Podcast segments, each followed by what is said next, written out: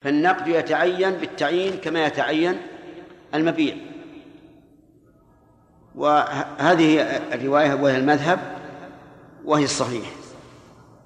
وقيل إنها لا تتعين بالتعيين وأن للمشتري الذي عين الثمن أن يبدله ويغيره لأن الثمن الذي هو النقد الدراهم والفضة مثلا هل هل يراد أعيانها أو لا؟ ما تراد أعيانها ولا يهتم الإنسان أنه مثلا تسقط ورقته ويأخذ إنسان ويعطيه ورقة ثانية. ما يهتم بهذا. لأن الثمن واحد. فلذلك اختلف العلماء هل تتعين بالتعيين أو لا. هذا فيما إذا كان الثمن نقدا يعني دراهم أو فضة. أما إذا كان الثمن عينا فلا شك أنه يتعين بالتعيين رواية واحدة. يعني مثل أن أقول اشتريت سيارتك بهذه السيارة. هنا الثمن ما هو؟ عين. سيارة عين. سيارة عين. هذه تتعين ولا إشكال فيه. ولهذا نقول الفرق بين الثمن والمثمن ما دخلت عليه الباء فهو الثمن. هذا القاعدة. ما دخلت عليه الباء فهو الثمن. اشتريت منك سيارة بهذه السيارة. الثمن؟ سيارة الثانية طيب. اشتريت منك عشرة دراهم اللي بيدك بهذا الكتاب. الكتاب والثمن. الكتاب والثمن ولا الدراهم الكتاب. ليش؟ دخلت عليه الباب. لأنها دخلت عليه الباء فكل ما دخلت عليه الباء فهو الثمن. ويتعين الثمن بالتعيين كما يتعين المثمن. هذا كلام المؤلف رحمه الله. نعم. وإن باعه بثمن في الذمة لم يتعين فإذا قبضه طيب فوجده نشوف ال- الأشياء اللي فرع عليها يقول فعلى هذا إن وجدها مغصوبة إن وجده مغصوب مغصوبا بطل العقد. إن وجد الثمن الذي عينه مغصوبا بطل العقد لأنه وقع على ما لا يملكه المشتري وش معنى مغصوبا؟ يعني أن المشتري غصب هذا الثمن غصب عشرة ريالات وجاء بها إلي واشترى بها مني حاجة وعينها عند العقد فتبين أنها مغصوبة يقول يبطل البيع ليش؟ لأنها لأن المشتري لا يملكها. طيب ثانيا يقول آه، وإن وجدها معيبا فرده انفسخ العقد. إن وجد أن هذا الثمن معيبا مثلا الورقة مزيفة الورقة مشققة ثم ردها فإنه إيش؟ ينفسخ العقد. الفرع الثالث ما في ورقة. إيه، نعم. انفسخ العقد إيش بعده؟ لرد المعقود عليه لرد المعقود عليه أشبه المبيع. وعن أحمد أن الثمن لا يتعين- لا يتعين إلا بالقبض فتنعكس الأحكام. طيب. إذا قلنا أنها لا تتعين بالتعيين فقال اشتريت منك هذا الكتاب بهذه الدراهم بيدي. ثم تم البيع وأخذ البائع الثمن. وتبين أن الثمن مغصوب أو مسروق. فالعقد صحيح. صحيح ويلزم المشتري بعوضه يعني بأن يعط- يعطيه عشرة أخرى من عنده. كذلك إذا وجدها معيبة إذا وجدها البائع معيبة.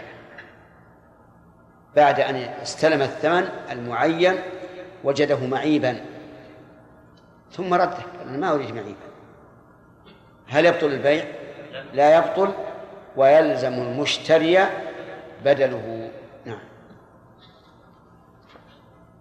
وإن باعه بثمن في الذمة لم يتعين فإذا قبضه فوجده مغصوبا لم يبطل العقد وإن رده لم ينفسخ لأن الثمن في الذمة. قول بثمن في الذمة لازم أن يكون مؤجلا. فإذا قلت اشتريت منك عشرة كتابا بعشرة ريالات وال- والريالات معي في جيبي. وبعد أن تم البيع أخرجت من جيبي عشرة وأعطيتك إياها. هذا الثمن في الذمة ولا معين؟ في الذمة. في الذمة. يا ناس ما ت... ما تعديت المكان حتى سلمته نعم؟ لم يتعين. في الذمة ولا معين؟ في الذمة. في الذمة. ما أدري. أحيانا ما يكون عندكم فهم إلا أن يشاء الله. اشتريت منك كتابا. شوف الصورة؟ اشتريت منك كتابا بعشرة ريالات. قال بعتك إياه. أخذت الكتاب طلعت العشرة من جيبي وأعطيتها إياه. هذا معين ولا في في الذمة؟ الذمة ها؟ في الذمة. نعم. هل عينت العشرة اللي في جيبي عند العقد؟ لا. لا. إذن هو في الذمة. تمام؟ إذن لا يلزم من كونه في الذمة أن يكون مؤجلا. طيب. نمشي. فصل. ولا يجوز بيع الملامسة والمنابذة لما روى أبو سعيد الخدري أن النبي صلى الله عليه وسلم نهى عن بيعتين الملامسة والمنابذة. والمنابذة أن يقول إذا نبذت إلي هذا الثوب فقد وجب البيع والملامسة أن يمسه بيده ولا ينشره متفق عليه. ولأنه إذا علق البيع على نبذ الثوب ولمسه فقد علقه على شرط وهو غير جائز. نعم الملامسة والمنابذة ثبت النهي عنها وكما رأيتم مثالها آه، ليس فيها ملامسة من الجانبين. اللمس من جانب واحد بأن يقول أي ثوب تلمسه فهو عليك بكذا. فهنا إذا قال أي ثوب تلمسه فهو عليك بكذا لم نصح لأنه غرض مجهول. ربما يلمس ثوبا يساوي مئة أو ثوبا يساوي عشرة. فهو مجهول. وبناء على ذلك لو كانت الثياب مستوية القيمة لا يختلف أحدها عن الآخر. فهل يجوز؟ نعم. نعم يجوز. فإذا قال قائل الحديث عام. قلنا إن السنة يفسر بعضها بعضا. وحديث أبي هريرة نهى عن بيع الغرر يدل بمفهومه على أن كل بيع لا غرر فيه فهو جائز. فيحمل النهي على الملامسة عن ملامسة فيها فيها غرر ولا حرج. ولو أننا أبقينا كل نص على عمومه لتناقضت السنة. بل يخص عموم السنة بما يخصها. نعم. وكذلك المنابذة. لو قال أبشتري منك أي ثوب تنبذ عليه فهو بمئة. أي ثوب تنبذ فهو بمئة. ما يصح. تنبذ إيش معناها؟ ترمي به عليه. لأنه ربما يرمي عليه ثوبا يساوي خمس ريالات أو عشر ويقول بمئة. وربما يخطئ فيرمي عليه ثوبا يساوي مئتين. ففيه جهالة طيب نجد الآن في بعض الدكاكين كل شيء بثلاث ريالات. هل هو من هذا النوع؟ لا. لا إله إلا الله. وش الفرق؟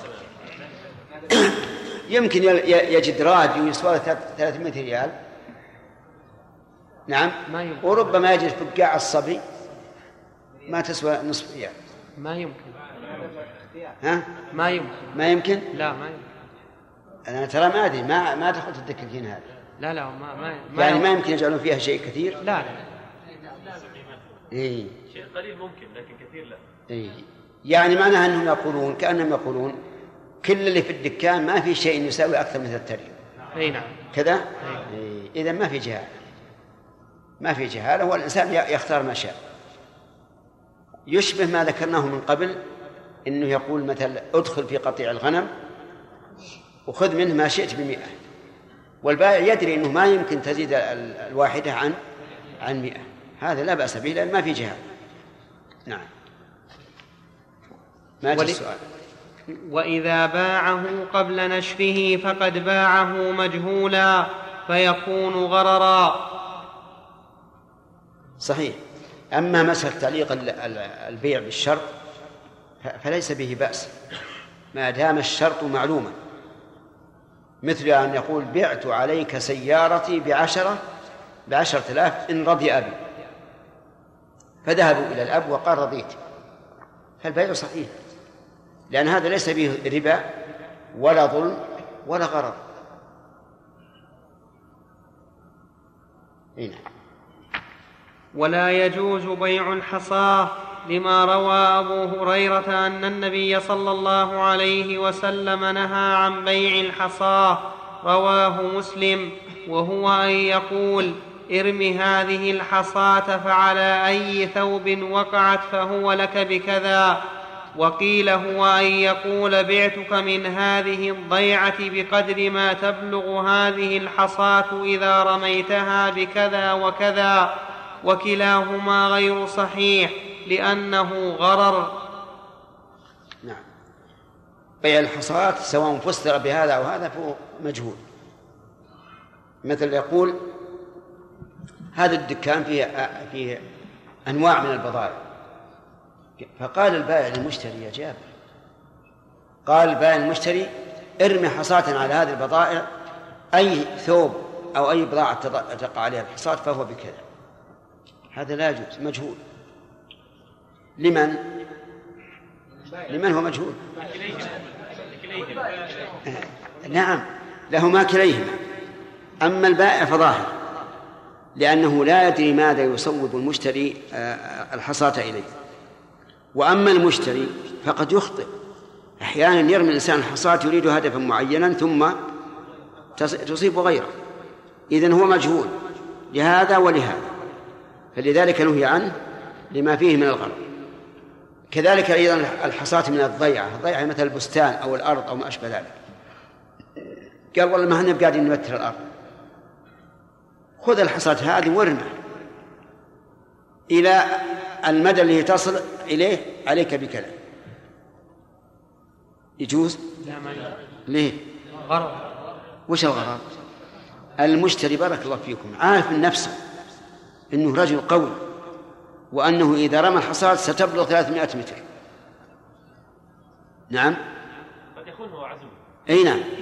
نقول لا وإن كان هذا ظن بنفسه لكن ربما تخلخل يده عند الرمي أو ربما يقابلها ريح شديدة تردها عما أراد أو أي سبب من الأسباب. المهم إنه مجهول. هو للبائع قطعا مجهول. وللمشتري الغالب أنه مجهول. لأنه لا يستطيع أن يحدد مدى ما تصل إليه الحصاة إذا رمى بها. فهو من المجهول. وكل هذه الأشياء التي جاء بها الحديث كلها في الحقيقة عبارة عن أمثلة للقاعدة العامة وهو أن النبي صلى الله عليه وسلم نهى عن عن بيع الغرر. نعم. وقت السؤال جاء سؤال؟ يلا محجوب. رجحنا أنه اذا اذا عين الثمن شيء ف رجحنا أنه لا يجوز أن يرجع أما صاحب الربع فقد رجح وأما أنا فمرجح قلنا صحيح شيخ ما ما هو 40 شيخ إيش؟ اذا عين الثمن. إحنا قلنا هذا. نعم. لكن في روايتين. أنا قلت؟ نعم. هذا إذا صار في جهالة إذا ما في جهالة وش وعندنا الآن لا فرق بين عشرة آه، رقمها آه، مليون واحد وعشرة رقمها مليون واثنين. ما فيها ما فيها بأس. لا يا شيخ أنا أقصد إذا رجع نفس المال كنا خمس ريال مثلا. ذكر إنه معه ريال في يعني معه صف. فردها بعد أن عين ما فهم السؤال. أراد شراء يعني كتاب. بناء بناء ها؟ طيب. نعم. ثم تذكر ان معه صرف بعد أن عين بعد أن عين هذه هذه الدراهم ردها مرة أخرى بعد أن استلم النبي. ثم أعطاه الصرف أعطاه من من فئة ريال يعني؟ من الصرف الثاني هذا يمل على على على الروايتين. إن قلنا أنها تتعين بالتعيين فإنه لا يملك أن يبدلها. وإن قلنا لا تتعين ملك ذلك.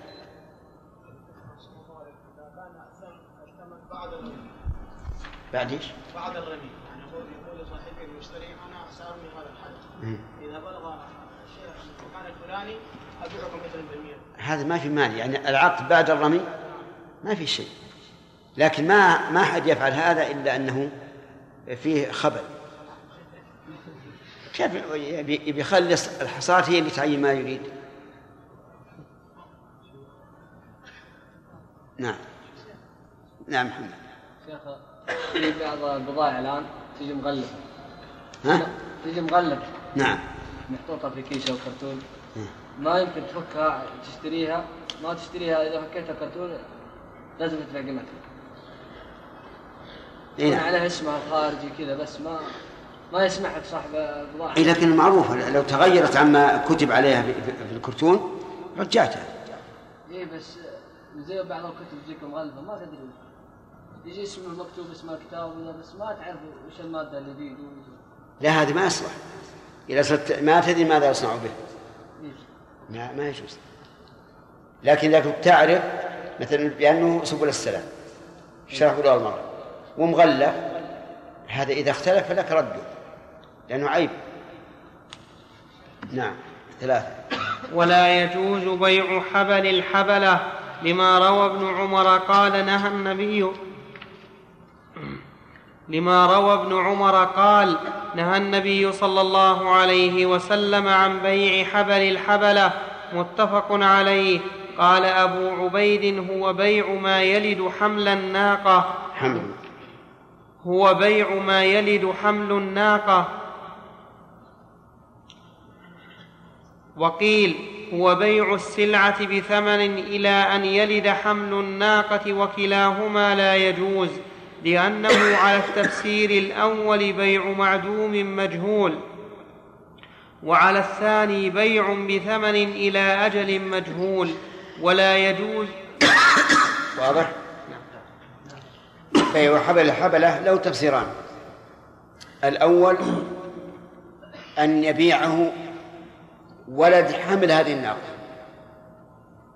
هذا لا يجوز لأنه إيش؟ معدوم ومجهول. قد تلد ناقة وقد لا تلد وقد تلد جملا. ثم الناقة قد تموت وقد تحيا. ثم قد تحيا وتلد اثنين وثلاثة المهم أنه لا يجوز لأنه مجهول ومعدوم. أو بعتك هذا بثمن إلى أن تلد الناقة. ناقتي. هذا أيضا لا يجوز لأنه مجهول. ما ندري متى تلد. أو حمل الناقة. حمل نعم. إلى أن يلد حمل الناقة. حمل الناقة ولا الناقة؟ عندي حمل الناقة. وقيل له أن أن يقول بعتك من إلى أن يلد حمل الناقة. هذا أيضا أشد جهالة أن يلد حمل الناقة. وكذلك إلى أن تلد الناقة. لأن الثمن مؤجل بأجل مجهول. وهذا يؤدي إلى النزاع والاختلاف نعم ولا يجوز تعليق البيع على شرط طيب لو قال آه، اشتريت منك هذا الثوب إلى إلى ميسرة حتى يرزق حتى يرزقني الله. يجوز؟ يجوز. إي نعم يجوز. لأن قوله حتى يرزقني الله إنما هو تأكيد إذ أنه لا يلزمه أن أن أن يسلم الثمن إلا إذا إذا رزقه الله. ما دام البائع يعلم أنه فقير فإن مقتضى العقد أن لا يطالبه بالثمن إلا إذا رزقه الله. فيكون هذا الشرط تأكيدا. ولهذا قالت عائشة يا رسول الله إن فلانا قدم له بز من الشام فلو بعثت إليه فاشتريت منه ثوبين إلى ميسرة. فأرسل إليه النبي عليه الصلاة والسلام ولكنه لم يقبل. امتنع عن يبيع لأنه يريد أن يأخذ الثمن ويرجع إلى إلى إلى أهله. نعم. ولا يجوز تعليق البيع على شرط مستقبل كمجيء المطر وقدوم زيد وطلوع الشمس لأنه غرر. و... على كل حال الصواب في هذا التفصيل. إذا علق البيع على شرط مستقبل فإن كان معلوما فلا بأس. وإن كان مجهولا فلا. هو مثل الآن بأمثلة. يقول آه، كنزول المطر كمجيء المطر. وهذا معلوم ولا غير معلوم؟ غير معلوم, غير معلوم. قدوم زيد؟ غير معلوم, غير معلوم. طلوع الشمس؟ معلوم. معلوم. وعلى هذا فإذا وقته بطلوع الشمس فلا بأس. لأنه معلوم. والتعليق لا يؤدي إلى الجهالة. التعليق لا يؤدي إلى الجهالة. فإذا قال قائل ما ماذا تقولون لو تلف المبيع فيما بين هذا العقد وبين طلوع الشمس؟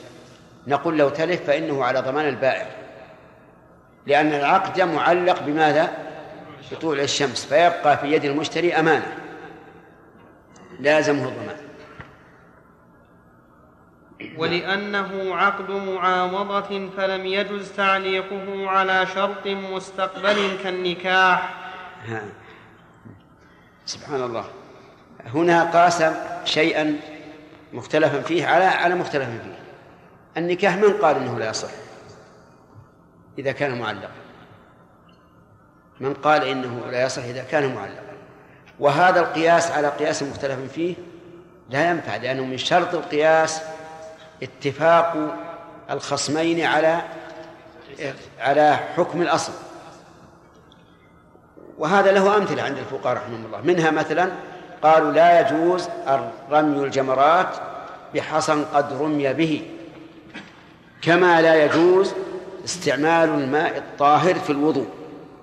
نعم استعمال لا كما لا يجوز استعمال الماء إذا استعمل في طهارة في طهارة واجبة. المذهب إذا استعمل الماء في طهارة واجبة ماذا يكون؟ يكون طاهرا غير مطهر. طاهرا غير مطهر.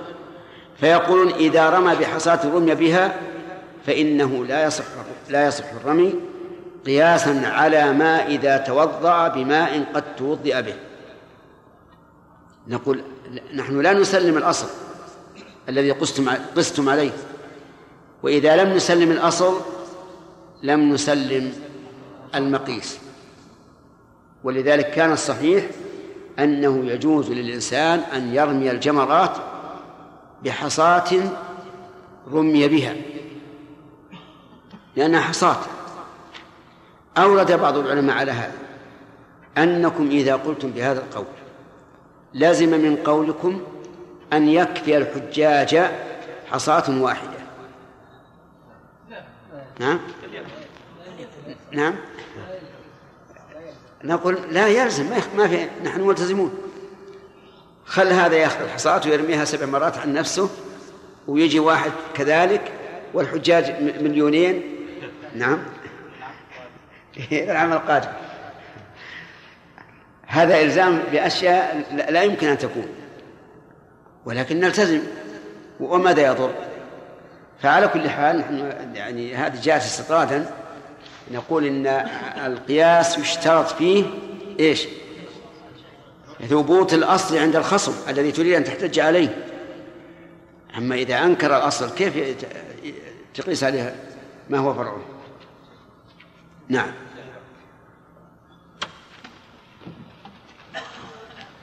ورى ما أعلى الساعة. فقد قال الموفق أبو محمد رحمه الله تعالى في كتاب الكافي في كتاب البيع فصل ولا يجوز بيع العنب والعصير لمن يتخذه خمرا ولا السلاح لأهل الحرب أو لمن يقاتل به في الفتنة ولا الأقداح لمن يشرب فيها الخمر لأنه معونة على المعصية فلم يجز كإيجاره داره لبيع الخمر ولا يجوز بيع العبد سبحان الله. يعني الفقهاء رحمهم الله أحيانا تعجب.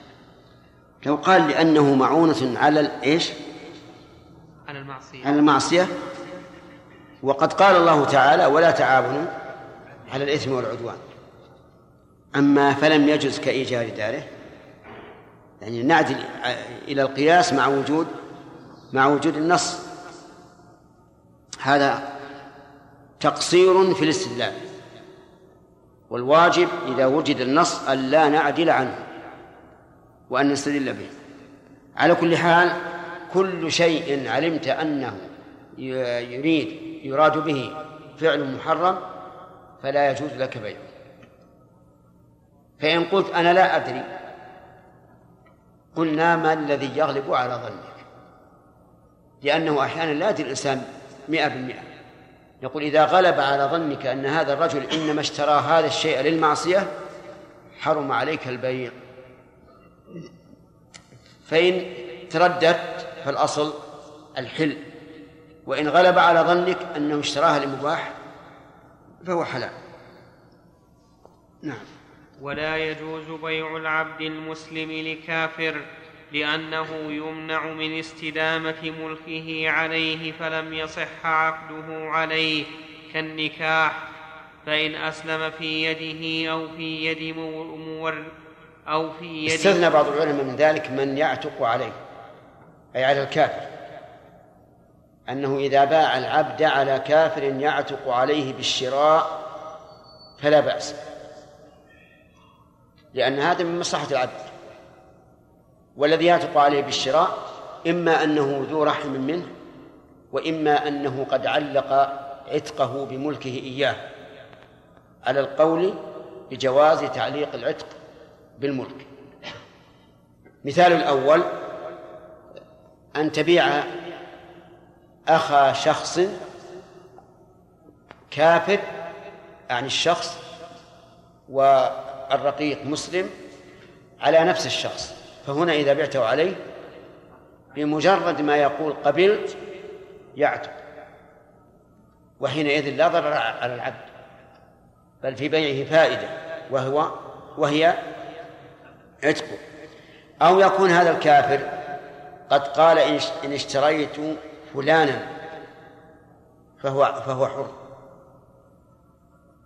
فهنا يجوز بيعه عليه لأنه بمجرد شرائه يعتق عليه. نعم.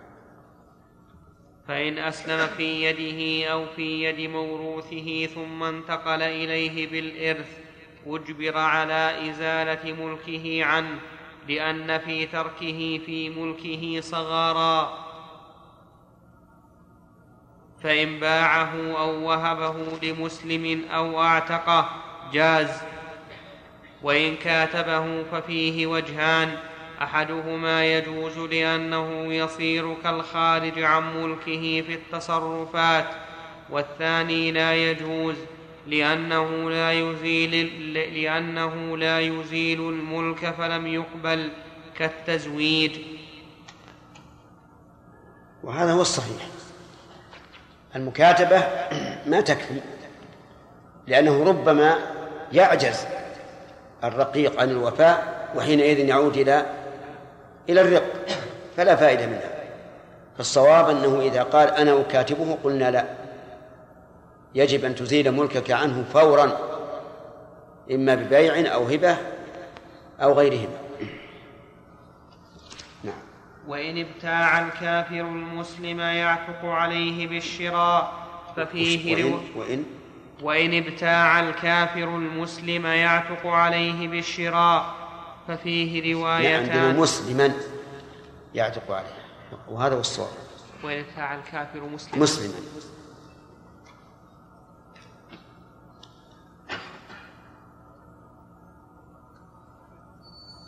وإن ابتاع الكافر مسلما يعتق عليه بالشراء ففيه روايتان. إحداهما لا يصح لأنه عقد يملك به المسلم. لأنه لأنه عقد يملك به المسلم والثانية يجوز لأن ملكه يزول حال ثبوته فلا يحصل به صغار. فلا يحصل. فلا يحصل به صغار. وإن حصل فقد حصل له من الكمال بالحرية فوق ما لحقه برق لحظة. وإن قال الكافر لمسلم أعتق أو أعتق عبدك أعتق عبدك عني وعلي ثمنه ففيه وجهان بناء على ما ذكرناه لأنه بقدر بيعه للكافر لأنه بقدر بيعه للكافر وتوكيل البائع في عتقه. عندي أنا لأنه يقدر بيعه. حتى العبارة ما هي واضحة على كل حال هي كما قلنا إذا إذا قال أعتق عبدك عني وعلي ثمنه فقال المسلم لعبده المسلم أنت حر عن فلان. هذا لا, لا يضره شيئا وليس فيه صغار بل فيه مصلحة. ما السؤال؟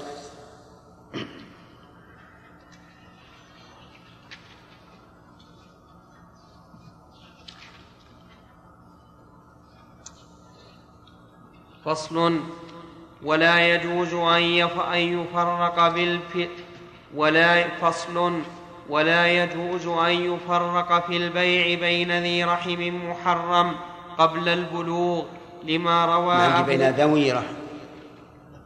ذوي. ذي. نسخة. أقل ما يكون نسخة.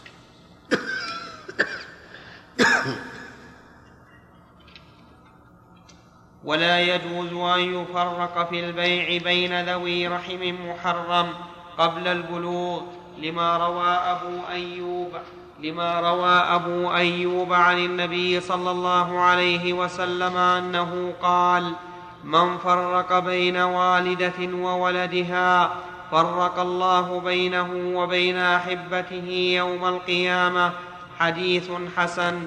وعن علي رضي الله عنه قال وهب لي رسول الله صلى الله عليه وسلم غلامين أخوين فبعت أحدهما.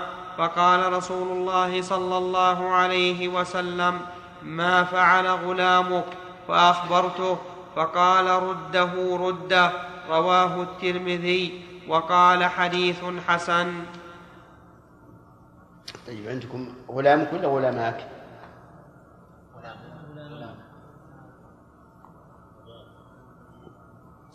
تخريج عندكم؟ غلامات فيها ألف؟ فيها ألف؟ تأكد. فيها ألف؟ يقول هذا هو الأقرب اكتبوا لعل ولا اكتبوا نسخة.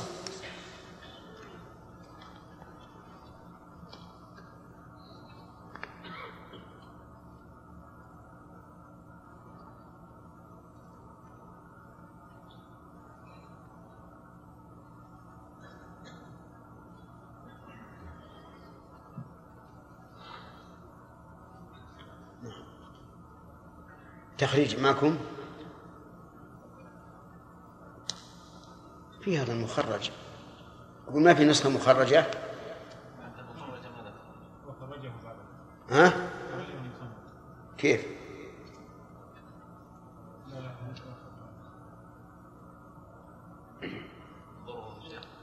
إي نعم. طيب. تنظر ويتأتي تخبرنا. نعم. السؤال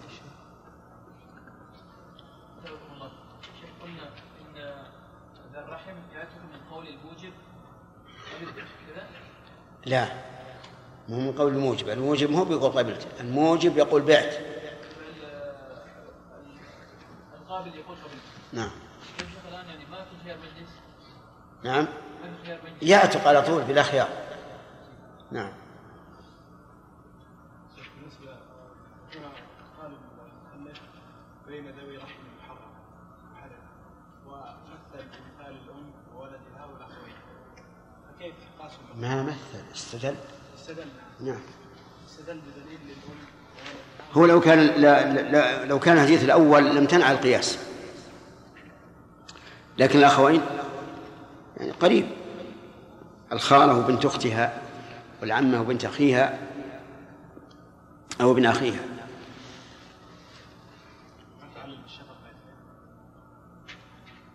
يقاس عليها وإن كان ليس كشفقة الأم. ولهذا احتجنا إلى أن ننظر في حديث علي بن أبي طالب. إذا صح فالقياس لا بأس به.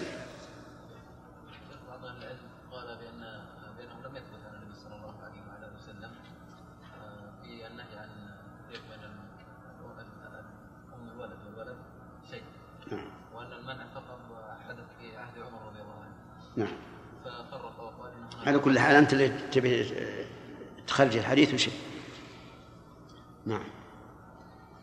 فإن فرق بينهما فالبيع باطل. رضيت الأم ذلك الأخ فؤاد ما شاء الله عليه حريص لكن يهم كثيرا. لأن الذي ورد هو مسألة البيع أمهات الأولاد. بيع أمهات الأولاد كان ال- في عهد النبي عليه الصلاة والسلام يبيع الرجل أم ولده ومضى على ذلك أيضا عه- عهد أبي بكر.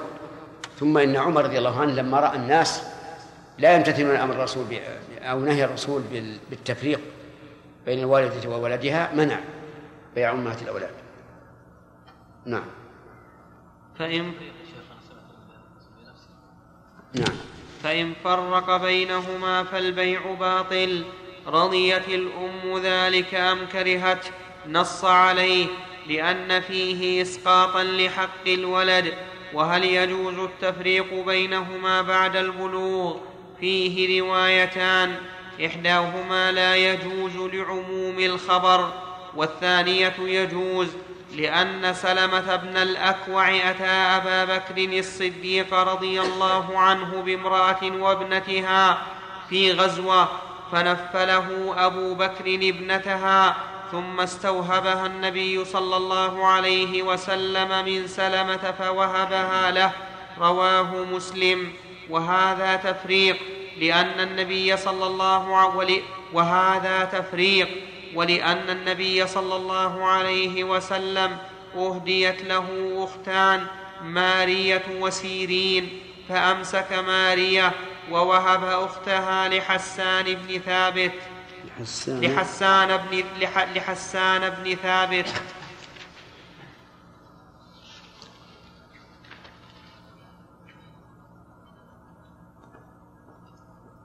استمر. لكن ما, في إشكال أحسن الله إليك. نعم. ما في إشكال. من أي ناحية؟ من جهة أن أبو بكر هو الذي هو الذي نفله ابنتها ثم استوهبها النبي صلى الله عليه وسلم. كيف؟ أليس قد قال أحسن الله إليك؟ فنفله لأن أبو سلمة بن أكوع أتى أبا بكر رضي الله عنه بامرأة وابنتها في غزوة فنفله أبو بكر ابنتها ثم استوهبها النبي صلى الله عليه وسلم. وش الإشكال؟ استوهبها من الذي استوهبها؟ ليس النبي صلى الله عليه وسلم. إي نعم طلبها هبة. إي نعم. نعم. لكن قوله فنفله أبو بكر ابنتها كيف ينفله أبو بكر في حضور الرسول صلى الله عليه وسلم وحياته؟ لعله بعثه في سرية. لعل النبي عليه الصلاة والسلام بعثه بسرية. ونفلها إياه. فصل ولا يجوز أن يبيع عينا لا يملكها ليمضي ويشتريها ويسلمها لما روى حكيم بن لما روى حكيم بن حزام أنه قال للنبي صلى الله عليه وسلم إن الرجل يأتيني يلتمس من البيع ما ليس عندي فأمضي إلى السوق. ثم أشتريه فابيع فأبيعه عندنا منه. فأشتريه ثم أبيعه. عندك؟ عندك. فأشتريه ثم أبيعه. أحسن. فأشتريه ثم أبيعه. نعم. أنتم عندكم ثم أشتريه فأبيعه. نعم. فأشتريه ثم أبيعه منه. فقال النبي صلى الله عليه وسلم لا تبع ما ليس عندك حديث صحيح ولأنه بيع بيع ما لا يقدر على تسليمه أشبه بيع الطير في الهواء فإن باع مال غيره هذه المسألة بي- بيع ما لا يملك ينقسم إلى قسمين. الأول أن يبيع عليه عينا معينة ثم يذهب ويشتريها فهذه لا إشكال في تحريمها لأنه لا يقدر على ذلك. مثل أن يأتي إنسان ويقول أنا والله أنا قد آه، جازت لي آه، دار فلان. فقال له أنا اشتراها مني. فاشتراها منه ثم ذهب ذاك واشتراها من صاحبها. فهذا لا يصح لأنه وقع العقد على ما لا على ما لا وهذا لا إشكال فيه. لكن إذا باع عليه موصوفا بأن قال بعني السلة الفلانية وهي ليست عنده لكن البائع أضمر أنه سيشتريها مثل أن يأتي إليه يقول آه، أنا أريد منك صحيح البخاري. وليس عنده. فباعه عليه. وذهب الرجل واشتراه من المكتبة وباع وأعطاه الرجل. هذا أيضا ظاهر حديث حكيم أنه لا يجوز. لأنه باع ما لم ما لم يملك. وهذا يشكل عليه مسألة السلم. السلم كان الصحابة يبيع الإنسان التمر أو نحوه ويأخذ الدراهم. ولكنه مؤجل. فيقول للمشتري أعطني ألف ريال بألف كيلو تمر بعد ستة أشهر. هذا جائز. وهو السلم الذي كان الصحابة يفعلونه. وهنا المسلم إليه باع ما ليس في ملكه. ما ليس ما ليس في ملكه. بعض العلماء فرق فقال إن السلم مؤجل. وهذا حال. والسلم الحال لا يصح. وهذا واضح إذا قلنا بأن السلم الحال لا يصح. لكن على القول بأن السلام يصح ولو حالا يبقى الإشكال. يبقى الإشكال. وتخلصا من هذا كله أن نقول عده ولا تبع عليه لا تعقل معه. قل أنا آتي لك بصحيح البخاري بعد العصر مثلا وإذا أتيت به عقدنا البيع. هذا لا بأس به. ولا حرج فيه. لكن المشكل أن يعقد البيع لأنه قد يعجز عنه ربما يقول أنا أبيع عليك البخاري بكذا. ظنا منه أنه سوف يحصله. ثم إذا إذا ذهب إلى المكتبة قالوا انتهى. ما عندنا شيء. وحينئذ يبقى إشكال نزاع. فلهذا نهى النبي صلى الله عليه وسلم عن البيع عن بيع ما ليس عنده. فصار بيع ما ليس عنده له صورتان. الأولى أن يبيع شيئا معين وهذا لا إشكال في منعه وأنه غير جائز لأنه ليس ملكا وليس قادرا عليه إذ قد يمتنع مالكه من البيع. الثاني أن يبيع عليه موصوفا بالذمة ليس عنده ويذهب ويشتريه. فهذا هو ظاهر حكيم بن حزام والحديث يقول لا تبع ما ليس عندك. ووجه النهي في هذا ليس لأنه باع ما لا يملك لأنه باع شيئا في ذمته لكن الحكمة من النهي أنه قد يظن أنه قادر على إحضاره ثم لا ثم لا يستطيع. فيحصل الغرر والتغرير والنزاع والخصومة. نعم.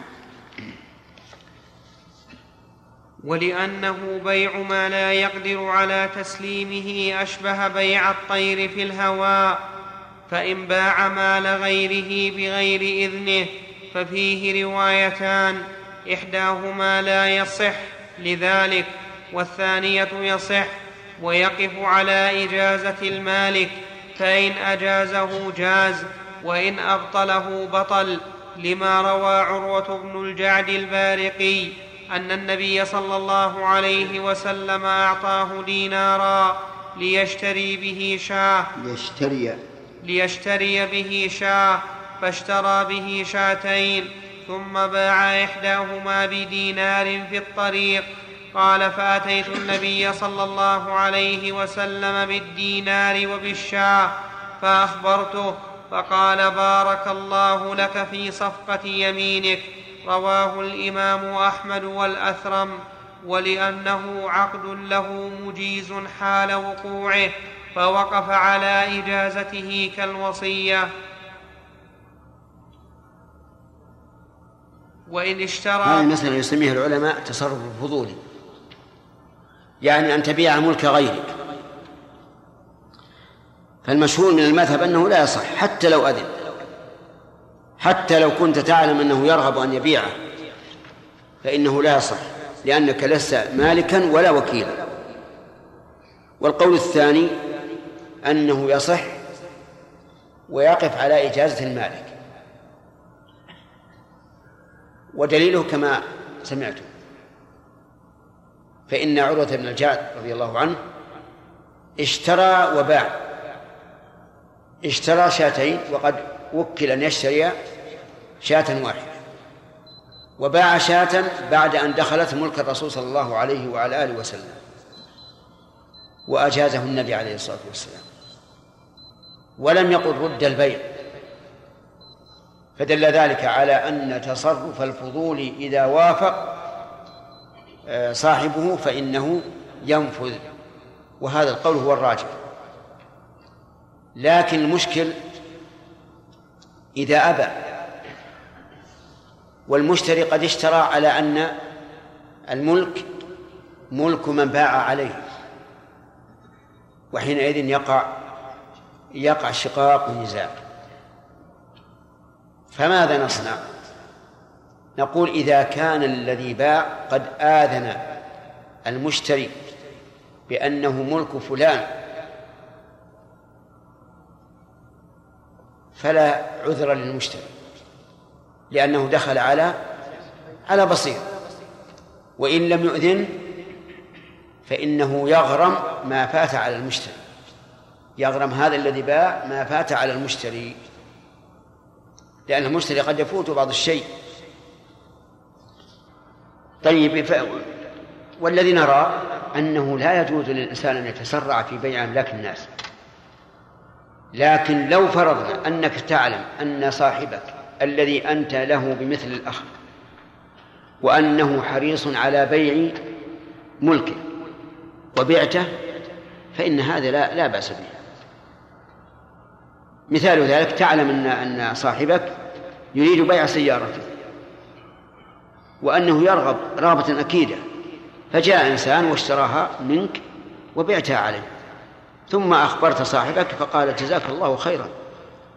أنا أرغب هذا فهذا لا بأس.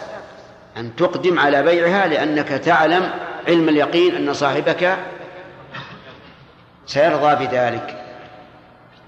نعم. انتهى. بسم الله.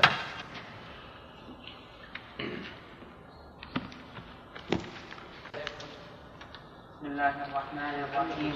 نعم. عندك علماء في الدار وابن إيوه علقوها طيب. نعم. بسم الله الرحمن الرحيم.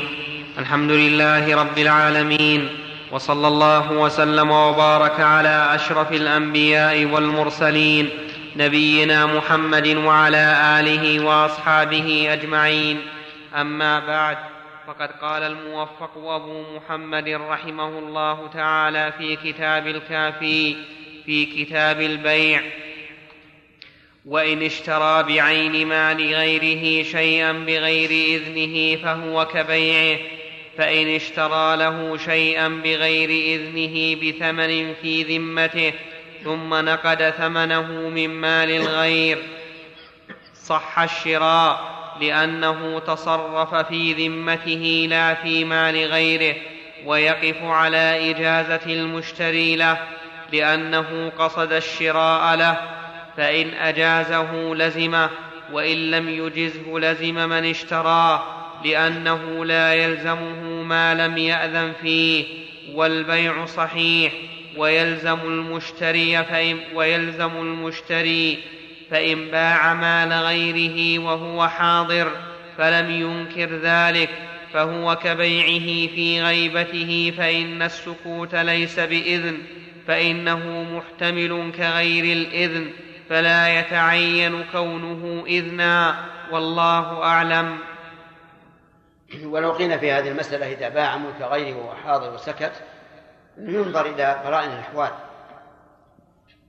لأنه ربما يبيع مال غيره وهو حاضر ويسكت لأن هذا الغير لا يحب أن يبيعه على شخص ما. إما لاحترامه له وتعظيمه إياه فلا يحب أن يقع بينه وبينه عقد بيع أو لأنه يشرح عليه أن يهبه إياه مثل أن يكون قريبا له جدا. ويخشى أن أن يباشر البيع أن صاحبه يشرح عليه يعني يقول ليش ما أعطني إياه مجانا؟ فينبغي أن يقال في هذه المسألة إذا باع ماله وهو حاضر وسكت إن دلت القرينة على أنه راضي فالبيع صحيح. وإلا فلا لأنه قد يكون حاضرا ولا يستطيع أن يتكلم أو يكون غافلا أو ما أشبه ذلك. هذا كله بناء على عدم جواز تصرف الفضول. أما على القول بأنه يجوز فالمسألة واضحة. المسألة واضحة أنه إذا جاز ولو كان ساكنا فإنه يصلح نعم. باب بيع النجش والتلقي وبيع الحاضر لباد وبيعه على بيع غيره وهي بيوع محرمة لما روى أبو هريرة أن رسول الله والعينة. نعم. عندكم العينة؟ قبل وهي وهي بيوع محرمة.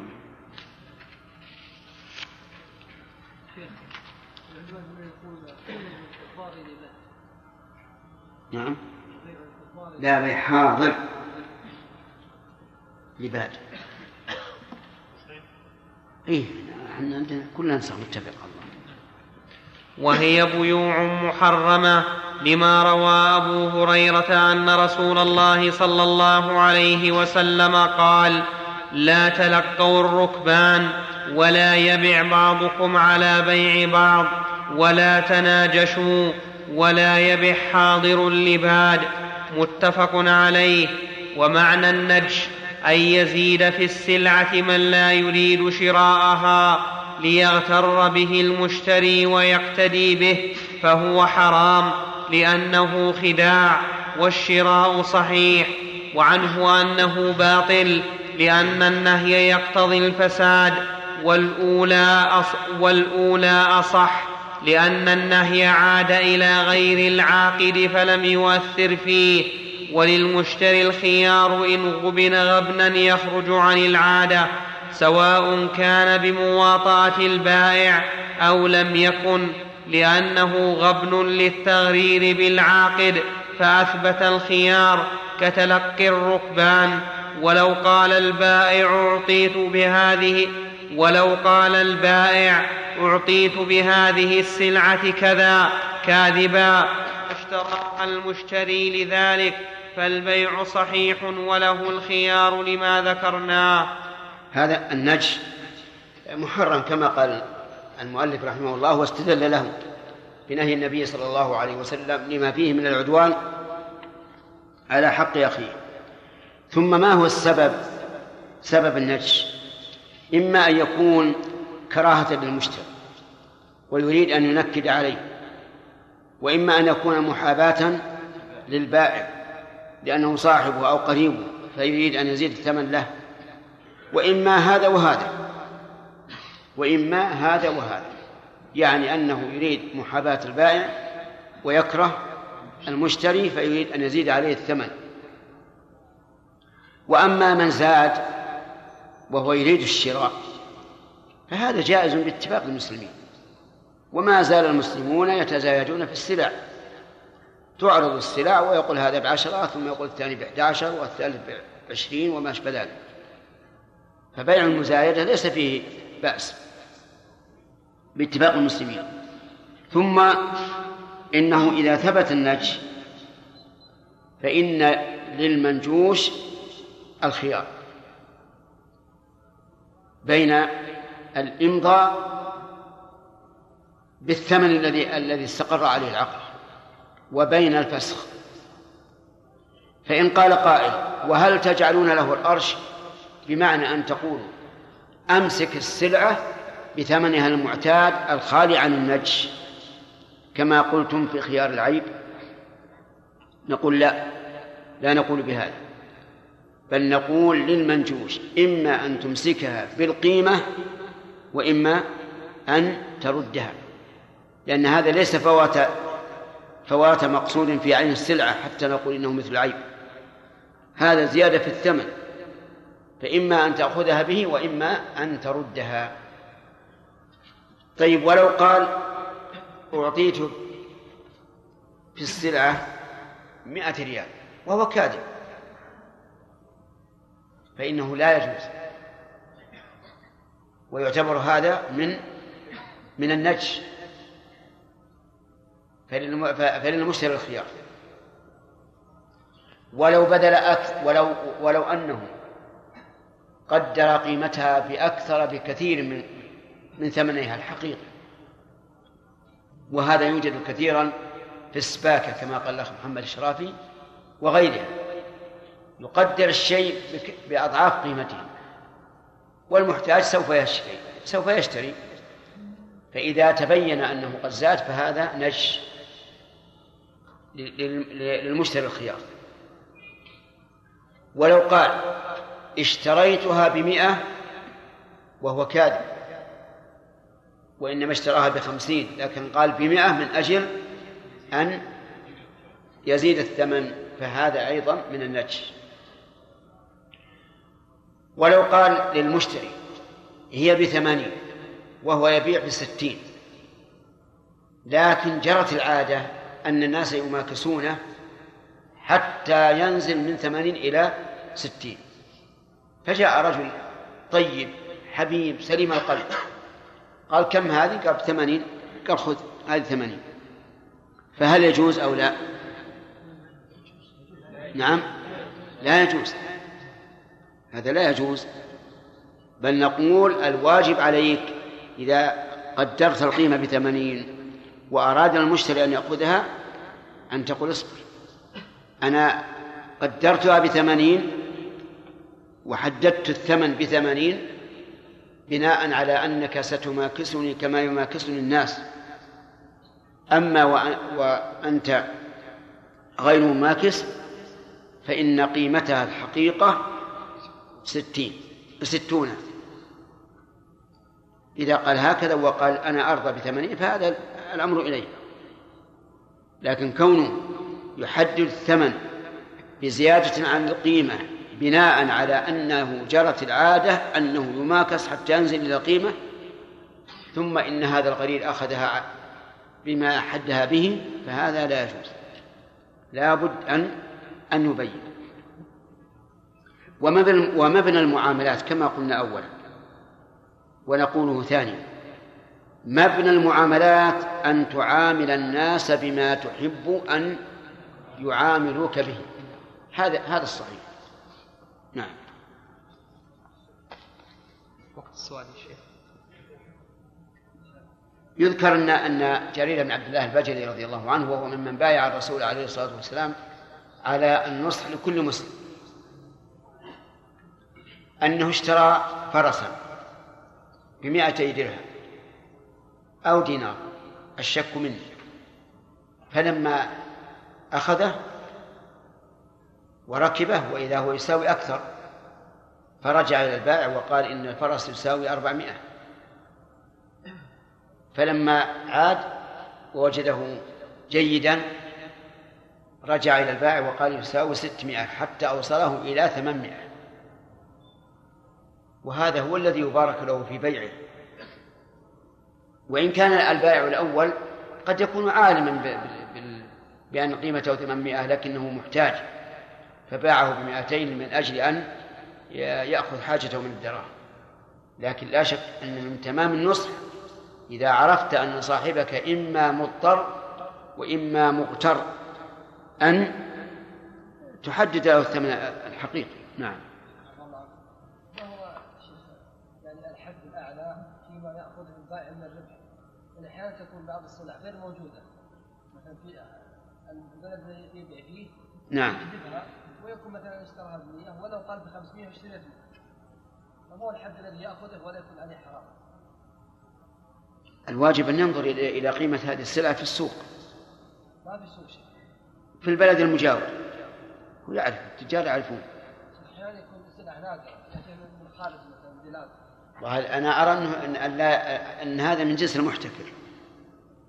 إذا كانت السلعة لا توجد إلا عنده فإنه يبيع بما جرت به العادة من الربح. ولا يحتكر. لكن المشكل أن بعض الباعة يقولون إذا قدرنا الثمن بقليل قال المشتري هذا ليس بجيد وتركه. وهذا يكثر يقولون يكثر في ملابس النساء.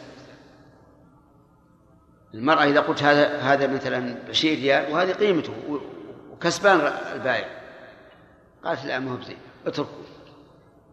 تذهب إلى الدكان الثاني قال هذا ب 200 قال هذا هو الطيب. نعم وأخذته وهذا واقع. الآن يقولون لي إنهم يشترون من بلاد مجاورة كالرياض مثلا. آه، يشترون ال- ال- الثياب هذه. الثوب عشرين ريال ثلاثين ريال ثم يأتون به إلى هنا إلى القصيم يبيعونه بثمانين ريال. ويقولون نخشى أن نقول بأربعين ونكسب عشرة. تقول المرأة هذا مو بزين اتركوا وهذه مشكلة. هذه مشكلة. فنحن نقول لهم أنتم اتقوا الله ومن يتق الله يجعل له مخرجا ويرزقه من حيث لا يحتسب. نعم يعني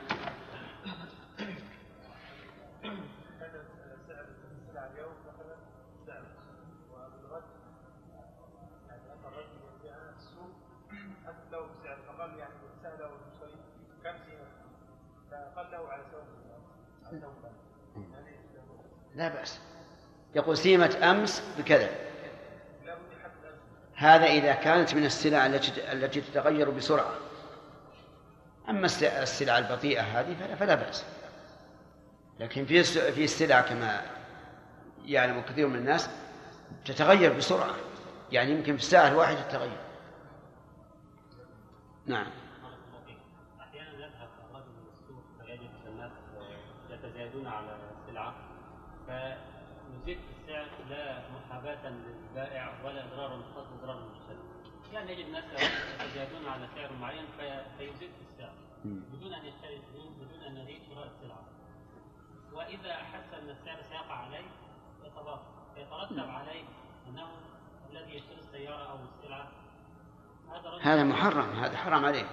حرام عليه. لكن بعض الناس يزيد في السلعة ما دام يظن أن فيها ربحا فإذا ظن أنه لا ربح فيها أمسك. لا لا حرام. ما ما يجوز. هذا إضرار بالمسلمين. ما يجوز. لابد أن يكون لك غرض صحيح. إما أنك تريد السلعة بنفسها أو أنها رخيصة في نظرك حتى ارتفع سعرها وتركتها أو لأي غرض. نعم. فصل وتلقي الركبان أن يخرج الرجل من المصر يتلقى الجلب قبل دخوله فيشتريه فيحرم للخبر ول... فيحكم للخبر. فيحرم للخبر ولأنه يخدعهم ويغب ويغبنهم فأشبه النجش والشراء صحيح وعنه أنه باطل للنهي والمذهب الأول لما روى أبو هريرة أن رسول الله صلى الله عليه وسلم قال لا تلقوا الجلب فمن تلقاه فاشترى منه فإذا أتى, فإذا أتى السوق فهو بالخيار. رواه مسلم. والخيار لا يكون إلا في عقد صحيح ولأن النهي لضرب من الخديعة أمكن استدراكها بالخيار فأشبه بيع المصرى وللبائع الخيار إن غبن غبنا يخرج عن العادة فإن لم يغبن فلا خيار له ويحتمل أن له الخيار للخبر والأول المذهب لأنه إنما يثبت لدفع الضرر عن البائع ولا ضرر مع عدم الغبن والحديث يحمل على هذا. وجعل النبي صلى الله عليه وسلم له الخيار إذا هبط السوق. يفهم منه الإشارة إلى معرفته بالغبن فإن خر نعم فإن خرج لحاجة غير قصد التلقي فقال القاضي لا يجوز له الشراء لوجود معنى النهي ويحتمل الجواز لعدم دخوله في الخبر. والبيع للركبان كالشراء منهم لأن النهي عن تلقيهم لدفع, الخب لدفع الغبن والشراء والبيع فيه واحد. هذا أيضا صحيح أنه يحرم تلقي الركبان ولكن ظاهر الحديث أنه لا فرق بين الركبان الذين يعرفون السعر والذين لا يعرفون. طردا للباب. وإلا فيحتمل أن يقال الركبان الذين جرت العادة أنهم يجلبون السلع إلى هذا البلد وهم يعرفون أقيامها لا بأس أن يتلقاه. ولكن يقال إنه ممنوع لأننا لو قدرنا أن حق البائعين الذين تلقوا هنا آه، يعني لا بأس به. أجازوه لكن حق الآخرين الذين في البلد. لأن الإنسان إذا تلقى الركبان واشترى منهم قبل دخول البلد حرم أهل البلد من الشراء منهم. من السلع التي قد يريدها كثير من الناس ولا يستطيعون الخروج. فصار التلقي منهيا عنه مطلقا سواء سواء كانوا قاصدين البلد وهم يعرفون أو أو لم يقصدوا. ولكن هل البيع يبطل أو يصح؟ الصواب الذي لا شك فيه أنه لا يبطل. بل هو صحيح لكن للبائع أن آه، أن يختار أحد الأمرين إما أن يمضي وإما أن لا يمضي. ثم ذكر المؤلف هل له الخيار سواء غبن أم لم يغبن؟ وذكر في ذلك قولين. فظاهر الحديث أن له الخيار سواء غبن أم لم يغبن. ويحتمل أن لا يكون له خيار إلا إذا غبن. لكن الأخذ بظاهر الحديث أولى أن للبائع الخيار. فإن كان مغبونا فلدفع غبنه. وإن كان غير مغبون فلأجل تعزير هذا المتلقي الذي تلقى مع نهي النبي صلى الله عليه وسلم عن التلقي فيقال إن البائع له خيار سواء غبن أم لم يغبن حتى يسد الباب على المتلقين. نعم. فصل. وبيع الحاضر للبادي هو أن يخرج الحاضر إلى جلاب السلع فيقول أنا أبيع لك فهو حرام للخبر. ولأنه فيه تضييق على المسلم. بدون ضمير. إيه، بدون ضمير. لأن لو كان الضمير يجب أن يكون تضييق مرفوع. نعم. مرفوع. أنا عندي منصوب. ولأن.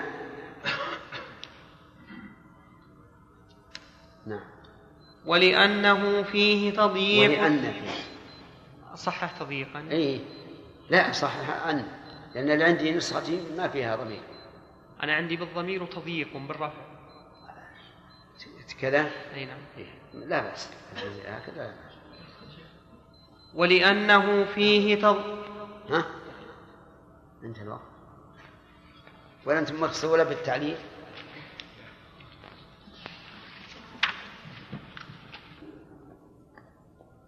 أجمعين.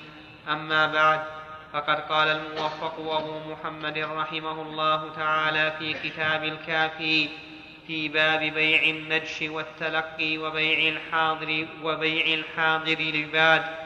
فصل وبيع الحاضر للبادي هو أن يخرج الحاضر إلى جلاب السلع فيقول أنا أبيع لك فهو حرام للخبر ولأنه فيه تضييق على المسلمين. إذ لو ترك إن, أتى إن أتت أن وجب النصب. وأنا عندي نسخة وفيه تضييق بدون أن. أنا عندي ولأنه بالضمير. لأنه؟ طيب. ولأنه فيه تضييق على المسلمين إذ لو ترك الجالب يبيع متاعه باعه برخص. إذ, إذ لو ترك الجالب إذ لو ترك الجالب يبيع متاعه باعه برخص فإذا تولاه الحاضر لم يبعه برخص. وقد أشار النبي صلى الله عليه وسلم إلى ذلك بقوله لا يبع حاضر لباد دعوا الناس يرزق يرزق الله بعضهم من بعض. وعنه لا بأس به وحمل الخبر على أنه اختص بأول الإسلام. لما كان عليهم من الضيق لما كان عليهم من الضيق. والمذهب الأول للخبر والمذهب الأول للخبر والمعنى. قال أصحابنا المؤلف- رحمه الله ذكر ما هو أخص من الدليل. ذكر ما هو أخص من الدليل حيث أنه خص البيع بما إذا خرج الحاضر إلى البادي يعني تلقاه وقال أنا أبيع لك. وظاهر الحديث العموم وأن الحاضر الحاضر لا يبيع للبادي مطلقا. واضح؟ فيكون الحكم أخص من الدليل. نعم. قال أصحابنا إنما يحرم بشروط خمسة أحدها أن يكون الحاضر قد قصد البادي ليتولى ذلك. الثاني أن يكون البادي جاهلا بالسعر لأنه إذا كان عالما به فهو كالحاضر. والثالث أن يكون جلب السلعة ليبيعها فإن جلبها ليدخرها فلا ضرر, فلا ضرر على الناس في بيع الحاضر له. ذكر الخرقي هذه الثلاثة وذكر القاضي شرطين آخرين أن يقصد بيعها بسعر يومها ويتضرر الناس بتأخير ويتضرر الناس بتأخير بيعه. فإذا اجتمعت هذه الشروط فالبيع باطل للنهي عنه وعنه أنه صحيح لأن النهي عنه لمعنى في غيره. فأما شراء الحاضر وننظر إلى هذه الشروط. هل الحديث يؤيدها أم لا؟ لا يبيع حاضر لباد. دعوا الناس يرزق الله بعضهم من بعض. ربما نفهم من قول دعوا الناس يرزق الله بعضهم من بعض أنه يشترط أن يكون البادي جاهلا بالسعر. لأنه إذا كان عالما فلن يبيع إلا بالسعر وحينئذ لا يحصل من ورائه كسب كذلك أيضا ربما نأخذ الشرط أن يقصده الحاضر وأنه إذا قصده البادي فإنه لم يرد أن يبيع برخص لم يرد أن يبيع برخص وإذا كان كذلك فيكون كالعالم بالسعر. وما زال الناس الآن على هذا تجد الرجل يأتي بسيارته مثلا قادما بها من خارج البلد مما فيه خضرات أو غيرها أو غيرها ثم يقف بها عند الدلال ويقول بعها لي. ولا يسع الناس العمل إلا إلا هذا. لو أن هذا الذي جاء جالبا قال له حاضر أبد ما أبي هذا حرام. راح للثاني قال ما أبي. راح للثالث قال ما أبي. ربما يضطر إلى أن يبيع برخص شديد. إذا لم يجد من يبيع له أو ربما يخرج إلى بلد آخر ويبيع هناك. فعمل الناس الآن على خلاف ذلك. والظاهر أن اشتراط أن يكون جاهلا بالسعر وأن لا يقصده الحاضر الظاهر أنه يؤخذ من الحديث. من التعليل وهو قوله دعوا الناس يرزق الله بعضهم من بعض.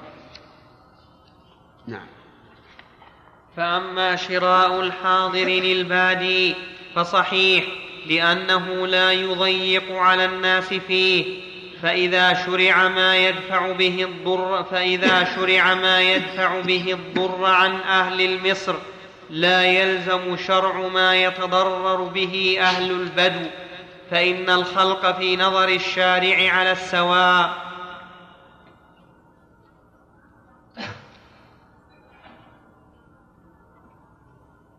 نعم المعنى أنه إذا شرع ما يدفع به الضرر عن أهل مصر وهو عدم التلقي لا يلزم منه أن يشرع ما يتضرر به آه، نعم أهل البدو. لأن الكل في نظر الشارع سواء. ومعلوم أنه إذا آه، جاء البادي وقال الحاضر اشتر بالاستدعاء الفلانية أنه لا ضرر لا على البادي ولا على أهل البلد. نعم. فصل. وأما البيع على بيع أخيه فهو أن يقول لمن اشترى شيئا في مدة الخيار أنا أنا أبيعك مثله بدون هذا الثمن أو أجود منه أو أجود منه بهذا الثمن فيفسخ العقد ويشتري سلعته فيحرم للخبر ولأن فيه إفسادا وشبها بالنجش وإن فسخ البيع فاشترى سلعته فالشراء باطل للنهي عنه وشراؤه نعم. وإن فسخ البيع؟ فاشترى سلعته نعم. فالشراء باطل للنهي عنه. نعم. إيش؟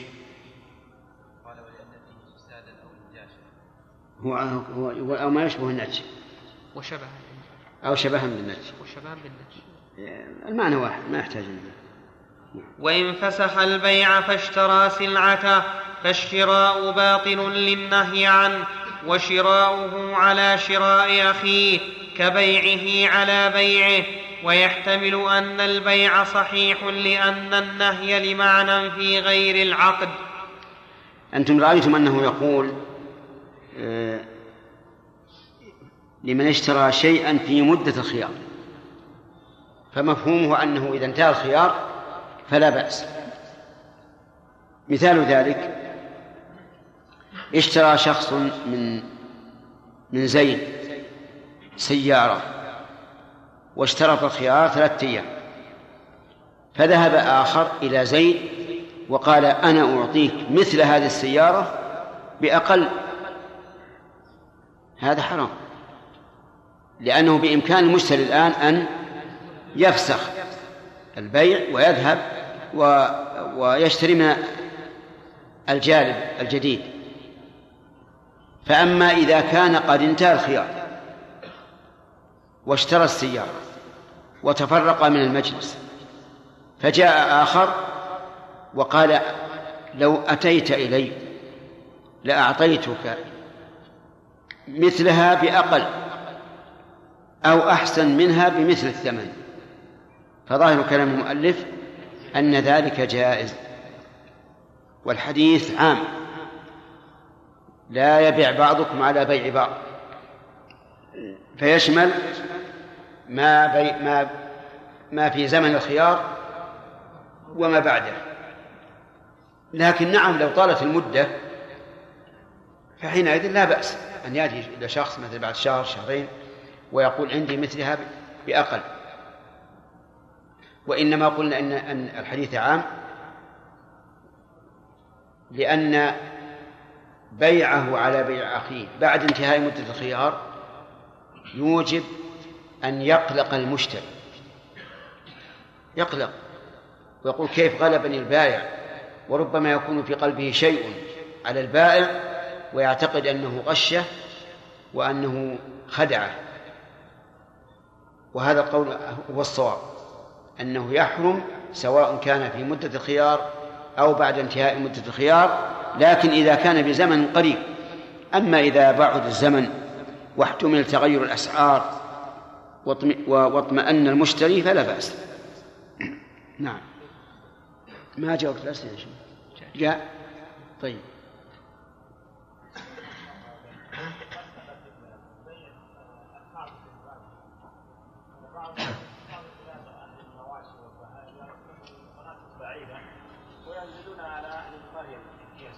نعم.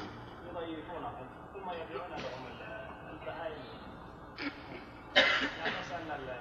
عندهم ما يعرفون ولا شيء يدفعون منهم شيئا بقدر يعني الضيافه والسؤال والسؤال هل يعني هذا لا بأس به لأن الشروط الشروط الخمسة تخرج هذه المسألة. لا بأس به. بعض العلماء يقول الحديث عام لا يبيع حاضر لباد ولا في اشتراط أن يقصده آه، أن لا يقصده الباد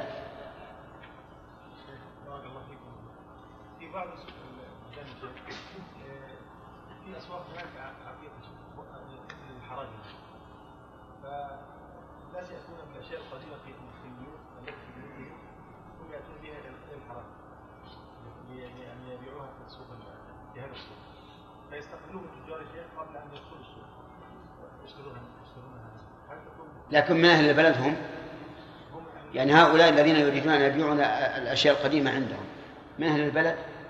يعني من بلد تبعد 25 كيلو 30 كيلو. السؤال هل هم من أهل البلد أو لا؟ يعني. السؤال هل هم من أهل البلد أو لا؟ طيب إذا يدخل في الحديث. نعم.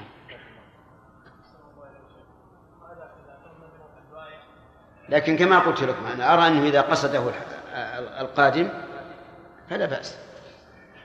نعم.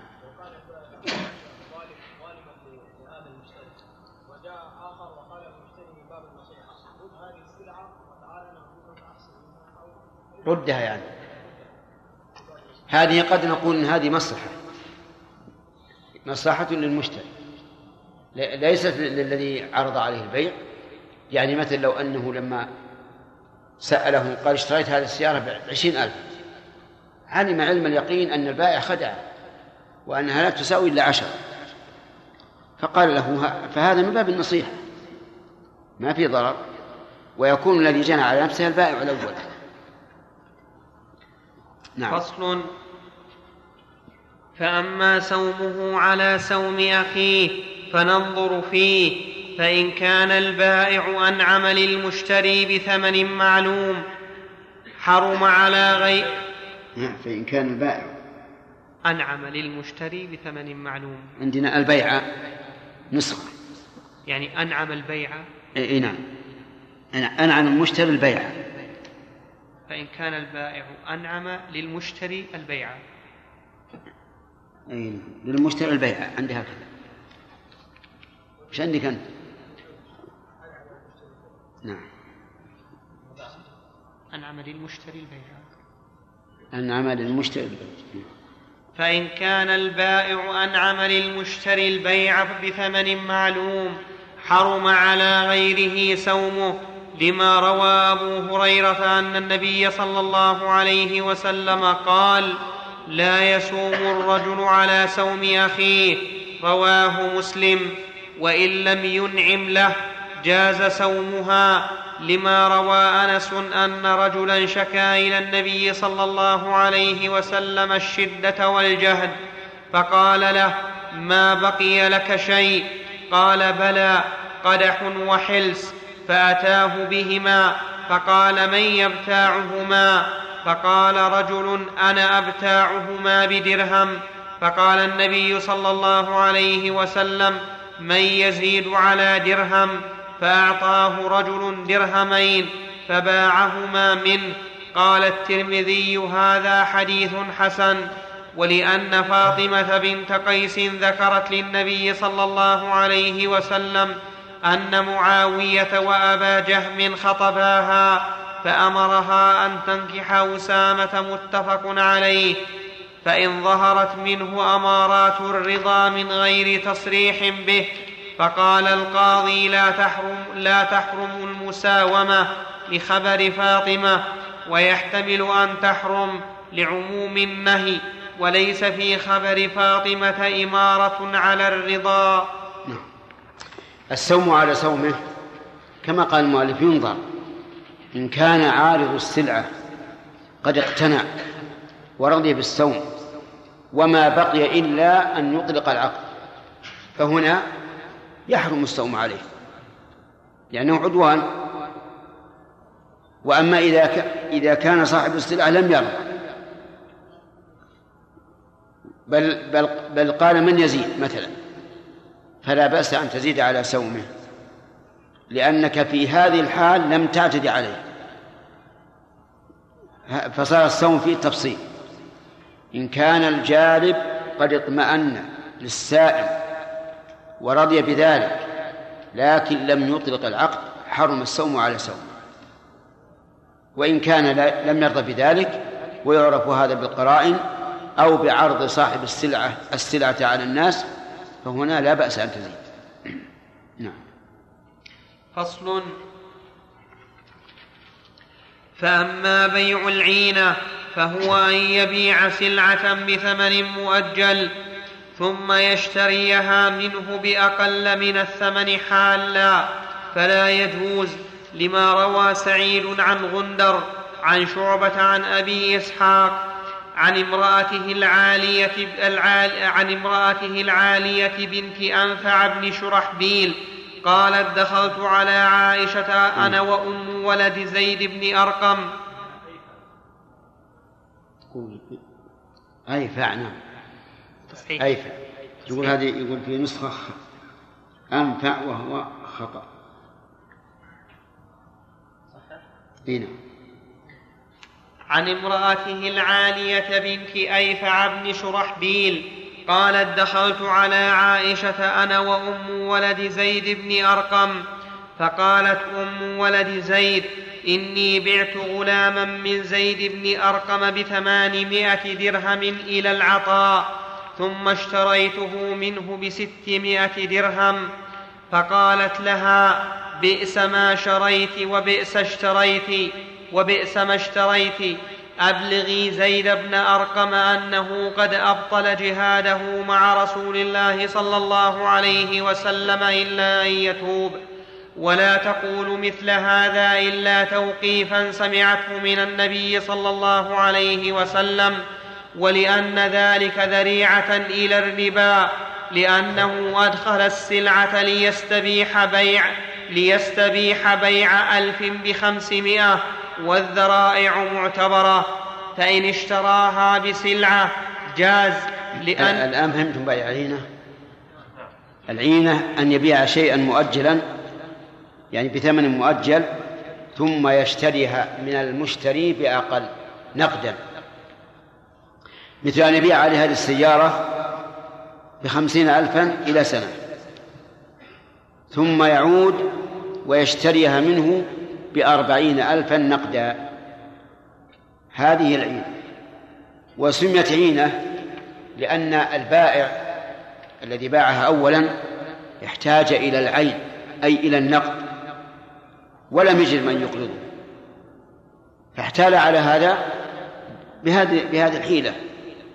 على ربا. والأصل سد الذرائع ومنع الحيل.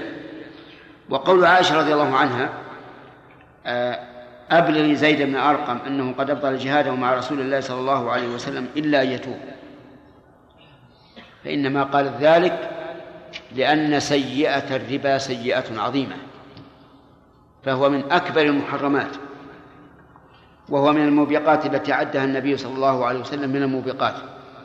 فتكون هذه السيئة تطيح بثواب الجهاد مع رسول الله صلى الله عليه وعلى آله وسلم. إلا أن يتوب. نعم. فإن اشتراها بسلعة جاز لأنه لا ربا بين الأثمان والعروض. إن اشتراها بنا إن اشتراها هكذا يا شيخ. أو وإن. والله ظاهرها وين؟ وين اشتراها؟ وين اشتراها؟ مطبوعة ولا مخطوطة نعم. وإن اشتراها بنقد غير الذي باعها به فقال أصحابنا يجوز لأن التفاضل بينهما جائز ويحتمل التحريم. لأن النساء بينهما محرم وإن اشتراها وهذا أقرب. يعني مثل باعها بذهب ثم اشتراها بفضة. فالفقهاء يقول لا بأس لأنه ليس بين الفضة والذهب ربا فضل. والمؤلف يقول يحتمل التحريم وذلك لأن الفضة بينها وبين الذهب ربا نسيئة. وهنا كأنه آه، اشترى ذهبا بفضة إلى أجل وهذا محرم. والمثال اشترى هذه السيارة بخمسين ألف درهم مؤجلة ثم جاءه البائع وقال أعطنيها بعشرة دنانير. عشرة دنانير تساوي أربعين درهم. فهذا لا يجوز. سبب؟ لأنه حيلة على بيع ذهب بفضة مع تأخير القبض. فالاحتمال الذي ذكره المؤلف رحمه الله احتمال قوي. نعم. وإن اشتراها من غير المشتري أو اشتراها أبو البائع أو ابنه جاز وإن نقص صحيح. لكن بشرط أن لا يكون أبوه أو ابنه شريكا له. فإن كان شريكا له فلا يجوز. مثاله رجل باع هذه السيارة على زيد بخمسين ألف مؤجلة. ثم اشتراها أبو زيد منه بأربعين نقدا. فهنا لا بأس. وذلك لأن مال الابن مستقل ومال الأب مستقل. أما لو كان شريكين فإنه لا يجوز. وإن نقصت السلعة صفتها جاز لبائعها شراؤها. أنا عندي وإن نقصت السلعة لتغير صفتها.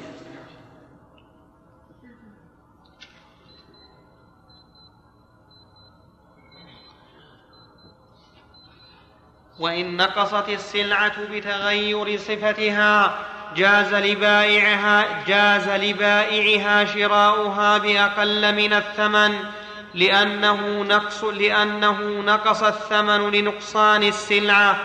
وإن عندنا لأن نقص. ها؟ تصحيح يا شيخ. لا نسخة. لأن نقص الثمن لنقصان السلعة وإن نقص وهذا صحيح. لكن بشرط أن يكون النقص من الثمن بمقدار نقص الصفة لا من أجل التأجيل والتعجيل. أما إذا كان من أجل التعجيل والتأجيل فهذا حرام. مثال ذلك باع عليه السيارة بخمسين ألف مؤجلة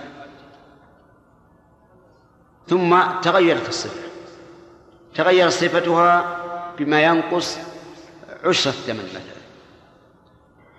فهنا لا نقول اشترها بما تريد من الثمن بل نقول اشترها بحيث لا ينقص من الثمن إلا كم؟ العشر. إلا العشر فقط.